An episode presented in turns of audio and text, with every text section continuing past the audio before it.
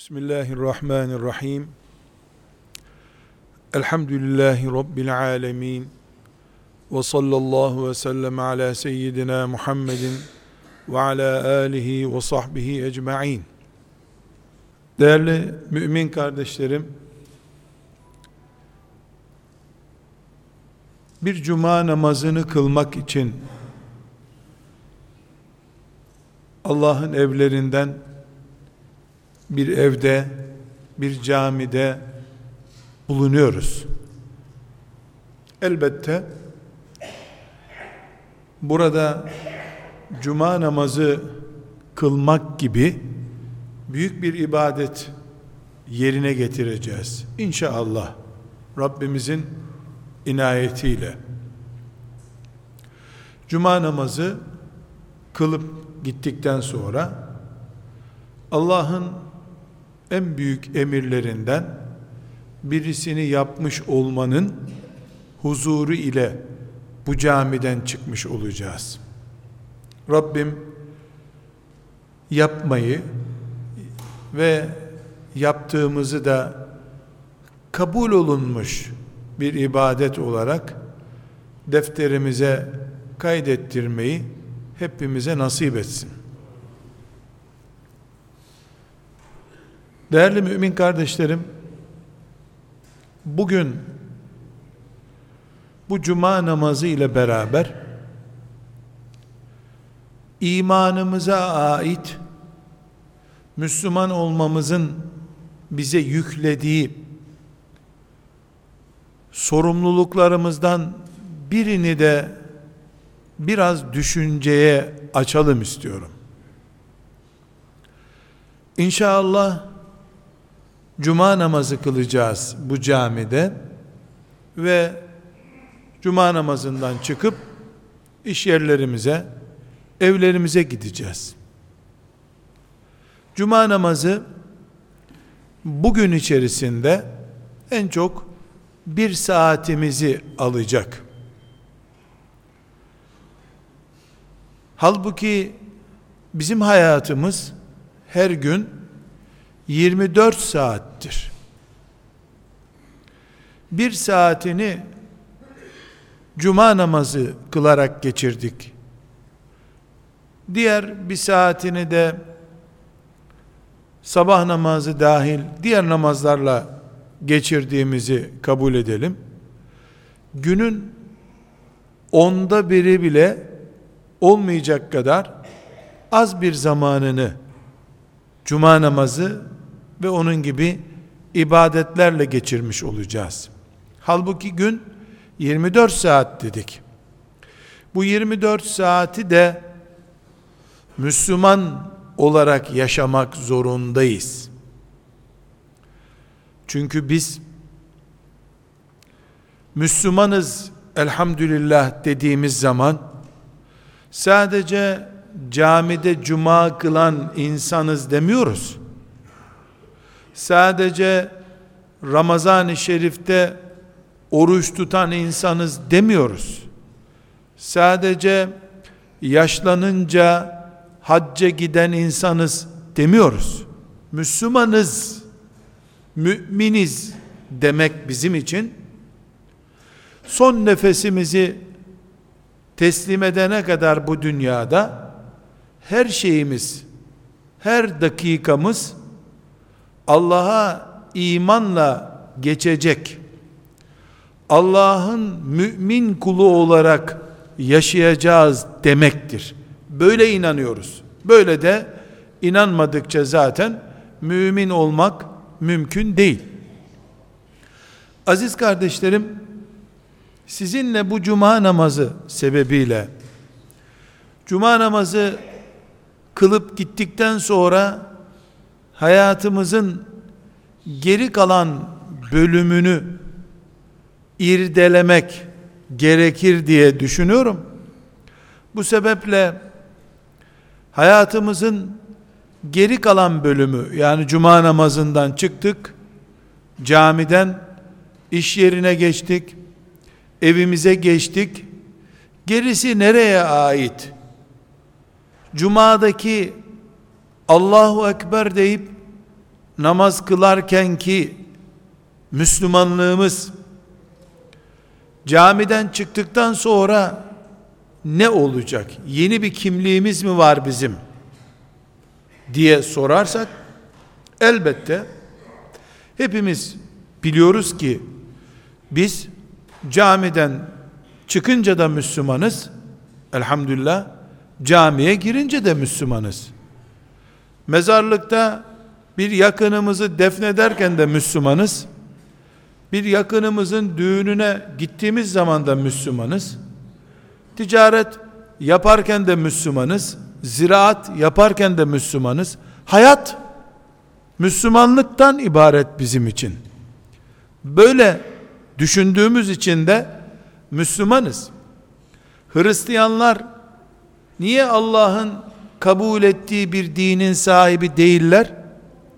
Çünkü Allah'a imanı haftanın bir günü pazar günü bir kilisede oturup ilahi okumak diye anlamışlar. Haftada bir gün bir kilisede oturup ilahi okudular, dinlediler mi? Kendilerini dindar kabul ediyorlar. Biz ne diyoruz? Öyle öyle dindarlık olur mu diyoruz? E dindarlık dediğin hayatının her yerini Allah'ın rızasına göre donatacaksın. Bu elbette hepimiz çok iyi biliyoruz ki şu anlama gelmiyor. Madem biz Hristiyanlar gibi, Yahudiler gibi hayatımızın bir gününü Allah'ın kulu olarak yaşayacağız. Diğer günlerinde de kendimizi hür kabul edeceğiz demeyiz diyoruz. Ya ne deriz? Biz hayatımızın tamamını Müslüman olarak yaşayacağız diyeceğiz. Diyoruz. Bu şu demek değil şüphesiz. Camide başımızda takkemiz, elimizde tesbihimiz, oturup kıbleye karşı edepli bir şekilde oturuyoruz. Cuma namazı kılıyoruz. E Müslüman olarak ömür geçirmek için sokakta da hep kıbleye karşı yürüyeceğiz. Sokakta da takkemiz olacak. Sokakta da tesbihimiz olacak. Evde de o şekilde oturacağız. Dükkanlarımız, iş yerlerimiz hep kıbleye karşı olacak. Böyle bir şart yok. Müslümanlık böyle yokuşa sürülmüş bir din değil. Elhamdülillah. Burada şu cuma namazı için toplandık. Allah'a hamdolsun alnımızda Müslüman yazıyor. Düğüne gideriz yarın. Düğünde de Müslümanız. Akşam cenazemiz olur sabah onu gömeriz orada da Müslümanız. Alışveriş yaparken Müslümanız. Elhamdülillah. Müslümanlığımız yatağımızda, oturduğumuz koltuğumuzda, yürüdüğümüz caddemizde, gezdiğimiz koridorumuzda, her şeyde bizimle beraber. Hatta ve hatta dinimizin helal ettiği çizgiler dahilinde dinlenirken, eğlenirken, seyahat yaparken de Allah'ın izniyle Müslümanız. Müslümanlığımız hiçbir şekilde bir nefes bile bizden kopmaz. Biz de Müslümanlığımızdan kopmayız. Müslümanlık bu diyoruz. Elhamdülillah böyledir de inşallah Allah'ın yardımıyla inayetiyle bu da böyledir. Böyle olacak. Bu şekilde bir hayatı sürdürüp Rabbimize ruhumuzu teslim edeceğiz. Temennimiz budur. Bunu istiyoruz. Hepimize Rabbim böyle bir hayat yaşamayı kolay kılsın. Aziz kardeşlerim, biz böyle istiyoruz. Çünkü Rabbimiz böyle emretti.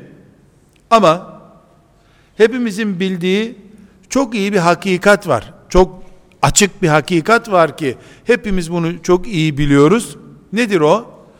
Allah böyle istiyor. Hayatınız hep Müslümanca olsun diyor. Bizim de böyle istediğimiz Müslüman olmamızdan belli. Müslümanız. Böyle ölmek istiyoruz. Böyle yaşamak istiyoruz. Ancak bu dünyada bir kanun var. Nedir o? Sen istiyorsun diye her istediğin şekilde yaşayamıyorsun. Aşman gereken engeller var. Mesela zengin olmak istiyorsun, çok çalışmak zorundasın. Mesela güçlü olmak istiyorsun, sağlığına dikkat etmek zorundasın. Müslümanlığında da iyi Müslüman olup Allah'ın huzuruna o şekilde Müslüman olarak gitmek istiyorsun. Bunu istemek yetmiyor. Şeytan engelini aşman gerekiyor. Şeytan engelini aşmadığın sürece iyi Müslüman olmak istedin diye Allah seni melekler gibi yaşatmıyor. İstiyorsun ama şeytan barikatına takıldığın için, şeytanın tuzakları seni alıkoyduğu için sen ister istesen de istemesen de şeytan seni iyi Müslümanlığın dışına atıyor hep. Bunun için kardeşlerim ne diyoruz? Müslümanca yaşamak, Müslümanca ölmek istiyoruz. Allah bunu hepimize nasip etsin diye dua da ediyoruz. Buna amin diyoruz. Ancak bir gerçeği de unutmamamız gerekiyor. Ne o gerçek? Biz böyle istedik diye hepimiz anında güzel Müslümanlar olup cennete gitmiyoruz. Allah bu isteğimizde ciddi olup olmadığımızı da ölçmek istiyor. Bir çocuk düşününüz. O çocuk okula gidiyor. Okul birincisi olmak ister hep. Çok güzel karneler sahibi olmak ister. Ama çalıştığı zaman ona sahip olur. Tembellik barikatlarını aşabilirse iyi, iyi bir öğrenci olur o. Tembellik barikatını aşamazsa ve çok oynarsa, çok eğlenirse sınıfı geçmek istedi, okul birincisi olmak istedi diye onu kimse öyle yapmıyor. Müslümanlığımız da böyle bizim.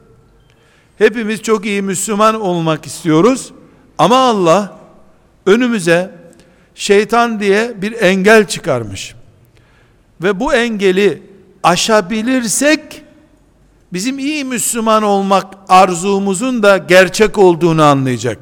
Bu şeytan hepimizin bildiği yabancımız değil. Hepimiz çocukluğumuzda onun yüzünden yaramazlıklar yaptık. Gençliğimizde onun yüzünden aşırılıklar yaptık. Yaşlandık, hala şeytan bize barikatlar kuruyor, tuzaklar kuruyor. Biz o zaman Müslüman olarak şeytanın karşımıza çıkaracağı engelleri aşabildiğimiz kadar onun tuzaklarına yakalanmadan Müslümanlık yaşayabildiğimiz kadar Allah'a samimiyetimizi göstereceğiz demektir. Bunu beceremezsek birey olarak, bir kişi olarak veya toplum olarak bunu beceremezsek biz iyi istedik diye iyi olmuyor. Çocuk okulda birinci olmak istedi diye birinci olamıyor. Zevklerinden, tembelliğinden vazgeçebildiği kadar arkadaşlarının hadi oynayalım diye tekliflerine aldanmadığı kadar derece alacak, dersleri iyi olacak. Müslümanlığımız da böyle bizim. Hepimiz, dedelerimiz iyi Müslümanlardı. Allah onlara rahmet etsin. Otomatik olarak biz de iyi Müslüman oluyoruz artık. Dedemiz iyi Müslümandı çünkü. Böyle bir şey yok ki. Dedelerimiz sapa sağlam pehlivan gibi öldüler ama biz hastanede hasta yatabiliyoruz. Müslümanlığımız da böyle. Dedelerimiz iyi Müslümandı. Şeytana aldanmamışlardı. Şeytana aldanmadıkları için de geldikleri gibi tertemiz Müslüman olarak Rablerine gittiler. Şimdi biz iyi bir Müslümanlık devraldık. Elhamdülillah bu camileri, Ramazanımızı, haccımızı, Kur'an'ımızı devraldık. Çok güzel şeyler bunlar ama bunları düşmanımız olan şeytana teslim etmememiz gerekiyor. Şeytan da bu dünyada Adem Aleyhisselam'dan beri var. Bütün derdine şeytanın bir kişi kapmak. Bir kişi kapmak. O da bu iş için uğraşıyor. O da bu sektörden geçiniyor. Rakip, rakibimiz bizim. Ne zaman şeytan bir kişi daha kandırdım diye piyasasından mutlu oluyorsa O zaman da melekler eyvah bir kişi kaybettik diye üzülüyorlar. Bu dünyada iyilik ve kötülükler savaş yapıyor. Burada kardeşlerim, şimdi ben bu camideki mümin kardeşlerimle şöyle bir test yapsam, desem ki şeytan Müslümanlığımızı kötüye çıkarmak için bizi yarın Rabbimizin huzurunda yüzü kara mahcup kullar yapmak için ne gibi çalışmalar yapıyor? diye soru sorsam, böyle bir anket gibi bir şey yapsam, hep beraber bu cevapları incelesek, beraber şimdi örnek verelim. Mesela ne diyeceğiz? Alkol kullandırır diyeceğiz. Yani bir şişe verir herkesin eline. Sen alkol kullan. Müslüman da alkol kullandıkça Allah'tan uzaklaşır. Bu doğrudur. Ama sadece doğrudur. Yeterli cevap değil bu. İki, ne yapar şeytan? Gençleri veya belli insanları hırsızlığa teşvik eder. Kimine gider bir dükkanı soydutturur. Kimine işçisinin hakkını yedirtir. Kimine patronun hakkını yedirtir. Dolayısıyla kul hakkı, hırsızlık suçu işletir. Hırsızlık suçu işletince de e, Müslüman Allah'tan kopar. Cennete girme engellerinden bir engelle karşılaşmış olur. Bu da doğrudur ama yeterli cevap değildir. Başka bir cevap daha örneklendirelim. Şeytan işte ne yapar? Namaz kılacak insanlara kılma diye engeller çıkartır. Direkt kılma demese bile önüne iş üstüne iş üretir.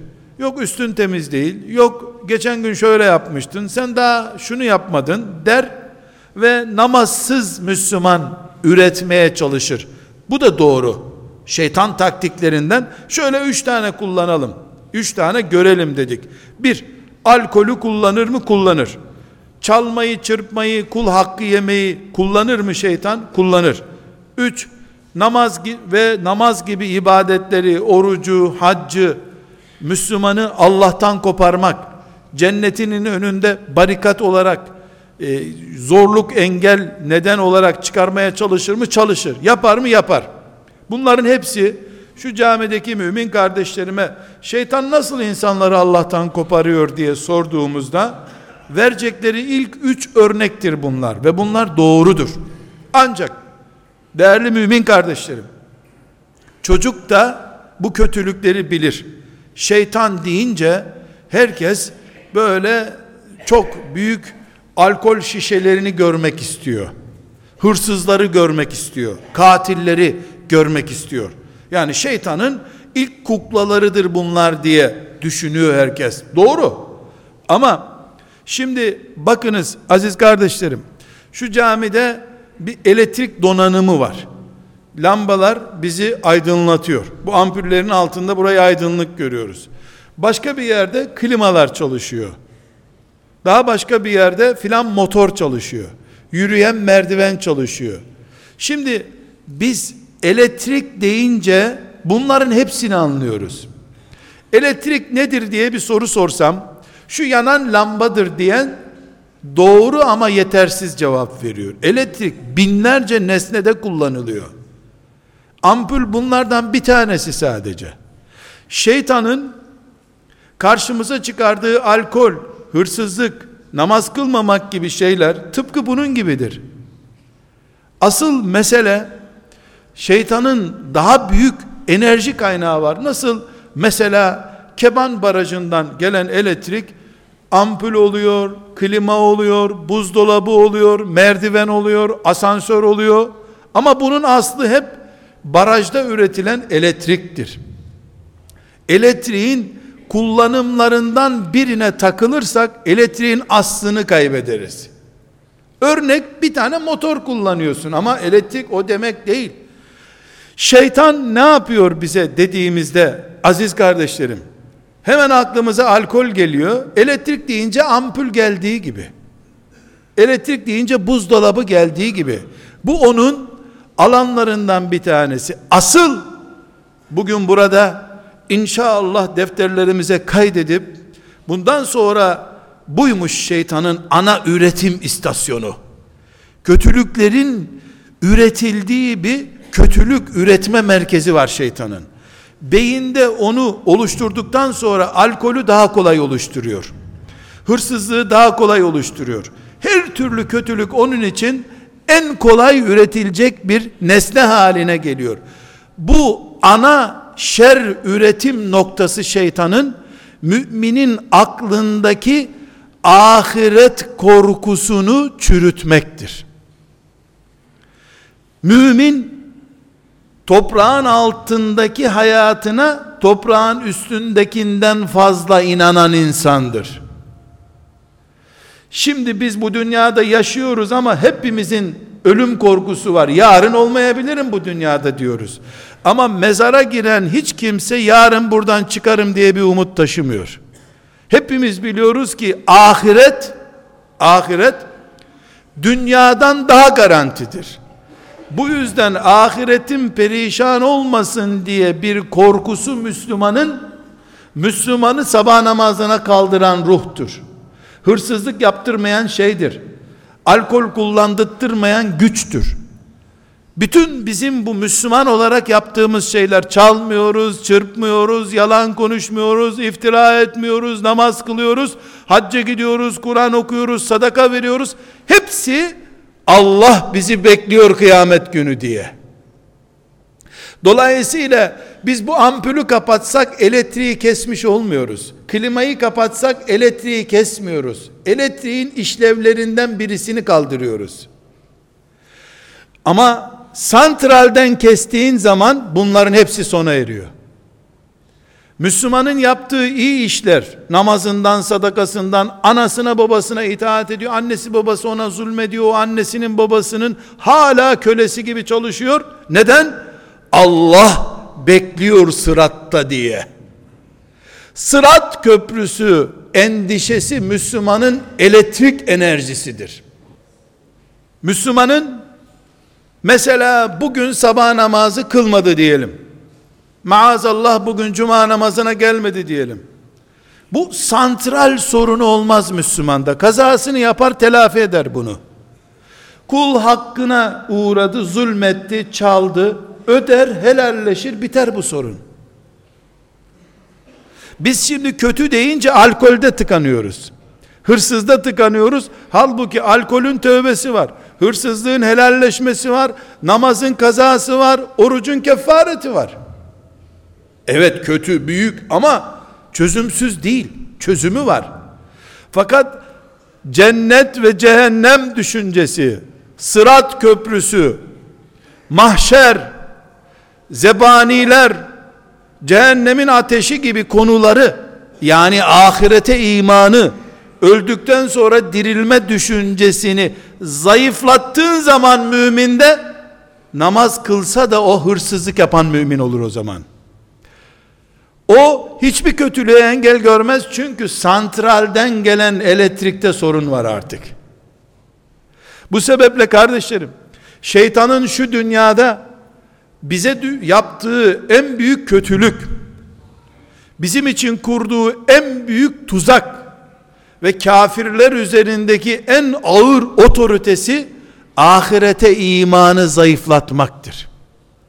Bütün Müslümanlığımız bizim Sırat köprüsüne inandığımız kadardır. Kabir azabına inandığımız kadar hırsızlık yapmayız biz. Kabir azabı zayıfladığı zaman olurdu olmazdı dediğimiz zaman veyahut da sırat köprüsü kıldan inceymiş, kılıçtan keskinmiş, yok canım biraz daha geniştir deyiverdiğimiz zaman cehennem ateşini yangın tüpüyle söndüreceğimizi zannettiğimiz zaman Cennete de babalarımızın yardımıyla bir de biz hani dedelerimiz çok değerli insanlardı. Ailece bizi alacaklarını zannettiğimiz zaman yani ahiretimiz zayıflar da dünyamız güçlenir olduğu zaman Müslümanlığımız zayıflıyor demektir. Onun için yükselen apartmanlar, büyüyen fabrikalar, büyüyen yollar, dolan kasalarımız ve ceplerimiz yani dünyamız büyüdükçe aslında sakınca yok. Allah vermiş büyüsün. Ama büyüyen dünyamız ahiretimizi küçülttüğü zaman helake doğru kayıyoruz demektir. Bir insanın Antalya'ya gelip zengin olmasında hiçbir sakınca yok. Karun'dan da daha zengin olabilir mümin. Allah helal etmiş çünkü. Ama Antalya'ya işçi olarak geldiği zaman ahirete imanı 100 üzerinden 90'dı mesela. Allah deyince, sırat deyince tüyleri ürperiyordu. Zengin olduktan sonra sırat deyince yüzde kırka düştüyse bu enerji kaybettiği şey budur işte. Dünya bizim olmalı, ahireti satarak değil ama. Ahiret durduğu yerde durmalı, dünyanın tamamı da bir müminin olsun. Helal olsun o zaman. Allah vermiş çünkü. Bu ne gibi biliyor musunuz kardeşlerim? Ekmek buğdaydan yapılır. Ama buğday olduğu gibi fırına konmaz değil mi? Buğday öğüdülür, hamur yapılır, su ile hamur yapılır. Mesela bir kilo una, bilmiyorum ama örnek olarak söylüyorum. Bir kilo una 500 gram da su katılır. İyice hamur yapılır. Fırına konur, ekmek olur mayalandıktan sonra. Şimdi bir kilo buğdaya 20 litre su katarsak, o ekmek olur mu? Hamur olur mu? Çamur olur. Fırına onu neyle koyacaksın? Tepsiyle koyacaksın. Çamur olur çıkar o. Çünkü bir denge var. O denge buğdayı ezmemeli. Un mesela yüzde seksen olacak. Su yüzde yirmi olacak ki ekmek olsun. Öbür türlü çorba olur. Bizim hayatımızda ahiret ağırlığı cennet umuduyla cehennem korkusuyla yaşama heyecanımız hiçbir zaman yüzde seksenin altına düşmemeli. İstediğimiz kadar dünya büyüsün. Mesela 40 bin lira geliri olan bir zamanda benim 80 binlik de enerji olarak Müslümanlığım vardı. 400 bin lira gelirim olduğu zaman hiçbir sakıncası yok. O oranda da Allah, peygamber, cennet, sırat, cehennem düşüncem büyüyorsa hiçbir sakınca yok. Ekmeği küçük yapıyordum, büyük yapmaya başladım olur şimdi. Bir kilo buğdaya 400 gram su koyuyordum. 2 kiloluk ekmek yapacaksam 800 gram su koyacağım zaten. Dengede sorun yok o zaman. Sorun nerede? Ben 1 kilo buğdayın ekmeğini yaparken 400 gram su koyuyordum. Yani fakir bir Müslümanken Allah'tan korkuyordum, haram dinlemiyordum, harama bakmıyordum, kul hakkına dikkat ediyordum, anneme babama Allah'ın emanetleri diye bakıyordum. Sonra buğdayım çok aldı, banka hesaplarım arttı, anneme babama ziyaret vakti bile bulamıyorum. Ahiretten kırpmaya başladım. Bu ne oldu biliyor musun? Ekmeğin buğday oranını düşürdüm, su oranını artırdım. Ekmek dediğim şey çorba oldu bu sefer. Öyle bir çorba olmayacağı için de bir sıkıntı yok. Bu dünyayı Allah bize haram etmiyor. Ama ahiret verip, cennet verip dünya almamıza izin vermiyor. İmtihanımız bu zaten. Şimdi aziz kardeşlerim, mümin kardeşlerim, hepimiz için ortak bir sorun bu. Hepimizin tefekkür etmesi gereken ince bir çizgi bu. Bakınız, dedim ki şeytan bizi nasıl tuzağa düşürüyor diye şöyle bir anket yapsak hepimiz alkolü öne çıkarıyoruz. Doğru dedik buna. Hepimiz hırsızlığı öne çıkarıyoruz. Bu da doğru. Hepimiz namaz kılmaz, namazı engeller, sabah namazına kaldırmaz diyoruz. Bu da doğru. Ama bu doğruların hepsinin aslı olan bir doğru daha var. Biz cehennem endişesi taşısaydık eğer, çocukken ateşten korktuğumuz gibi, büyüyünce de Allah'ın ateşinden korksaydık eğer, hırsızlık yaptıramayacaktı şeytan bize. Çünkü nasıl bu elektrik klimaydı, fırındı, merdivendi, motordu, ampuldü ama hepsinin aslı elektrik santralinde üretilen elektrikti. Onu kesince tamamını kesiyorsun. Bizi Allah'a bağlayan şey, harama tutturmayan şey, haram konuşturmayan şey, yalan söylettirmeyen şey, gözümüzü filtrelendirip harama baktırmayan şey, kul hakkına dikkat ettiren şey, eşlerimizi Allah'ın emanetidir aman dokunma diye düşündürtüren şey, çocuklarımızı bizim üretimimiz değil Allah'ın kulları olarak görmemizi sağlayan şey, Sırat köprüsüdür. O köprü yıkıldığı zaman bu camiler de Müslümanlığımızı sağlayamaz bir daha. Onun için dünya hayatı modern olsun elbette. Yollar araba ile gitme yerine bütün yollar yürüyen yol olsun. Bir tarafından girdin mi 10 kilometre sen hiç kıpırdamadan götürsün. Yürüyen merdiven gibi yürüyen yollarımız olsun. Hastaneye gitmeden doktorlar uzaktan kumandayla ameliyat etsin bizi. Teknoloji bu kadar ilerlesin. Bunu Allah'ın nimeti görürüz. Şükrederiz. Elhamdülillah ne büyük nimetler verdin ya Rabbi deriz. Burada bir sıkıntı yok. Ama yollar yürüdünce ahiret aşınıyorsa vay halimize bizim. Hani ne dedik? Ekmeğin ekmek olması için buğdayla su arasında bir orantı olması lazım. Bir kilo buğday ununa 400 gram su koyarsın hamur olur mayalanır ve şişer güzel bir ekmek olur. Bizim asıl hayatımız ebedi hayatımız olan cennet umudumuzdur. Cehennem korkumuzdur. Sırat endişesidir. Kabir azabını yaşama endişemizdir. Akrabalarımız, yakınlarımız bizi dört kişi mezara indirdikten sonra o vahşet, o yalnızlıkta bizi bırakıp eve gitmeleri ve bizim orada yalnız kalma korkumuzdur. Allah'tan başka o gün orada bize yardım edecek kimse olmadığını bilişimizdir. Kalkar da biz her mezara koyduğumuzu ebedi istirahatgahına yerleştirdik diye bir felsefe geliştirirsek, mezarı ürgünç yer değil, ebedi istirahat yeri haline getirirsek, hırsızlık kolaylaşır o zaman. O zaman kul hakkı diye bir endişe kalmaz. Yakalanmadan, yasaya tutulmadan ne yapabiliyorsan serbest olur o zaman. Bu dünyada şeytanın hele bu modern çağda önümüze kurduğu en büyük tuzak, en büyük tuzak ahiret imanımız zayıflıyor. Ahiretimizi kolay bir şey haline getiriyor. Bin sene, beş bin sene, belki on bin sene mezarda bekleyeceğimizi unutturuyor. Binlerce sene mahşer yerinde bekleme korkumuzu normal bir şey sıraya girer bekleriz. Herkes gibi bekleriz. Oradan birisinden de bir şemsiye alırız. Güneş olmaz herhalde diye düşündürtüyor.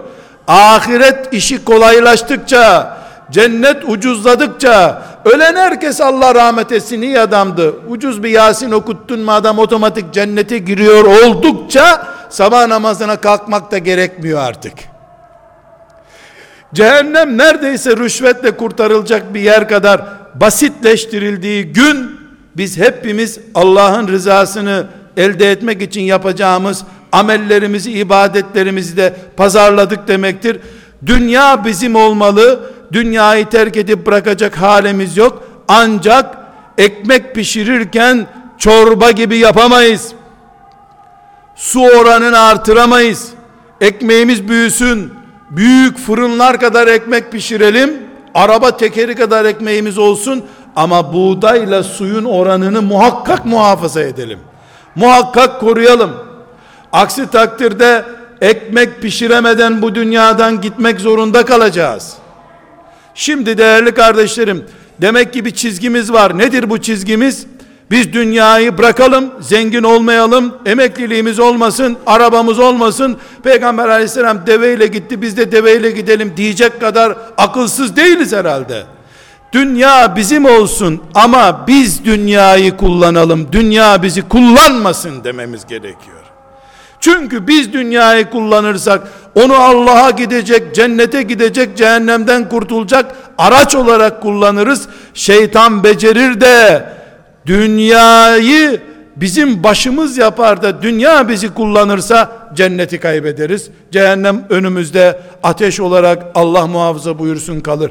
Demek ki kardeşlerim tek tek sorunlarla değil sorunların kökleriyle uğraştığımızda karşımıza ahiret endişesi diye bir endişe çıkıyor. Bunu sürekli canlı tutmak gerekiyor. Çocuklara ahirete iman ediyoruz demek yetmiyor. Ahireti hissettirecek bir iman eğitimi vermemiz ve bunu kendimizde de canlı tutmamız gerekiyor. Rabbim imanla yaşamayı, mümin kıvamında yaşamayı ve bu kıvamla ruhumuzu ona teslim etmeyi hepimize nasip etsin. Ve sallallahu ve sellem ala seyyidina Muhammed ve ala alihi ve sahbihi ecma'in velhamdülillahi rabbil alemin. El Fatiha.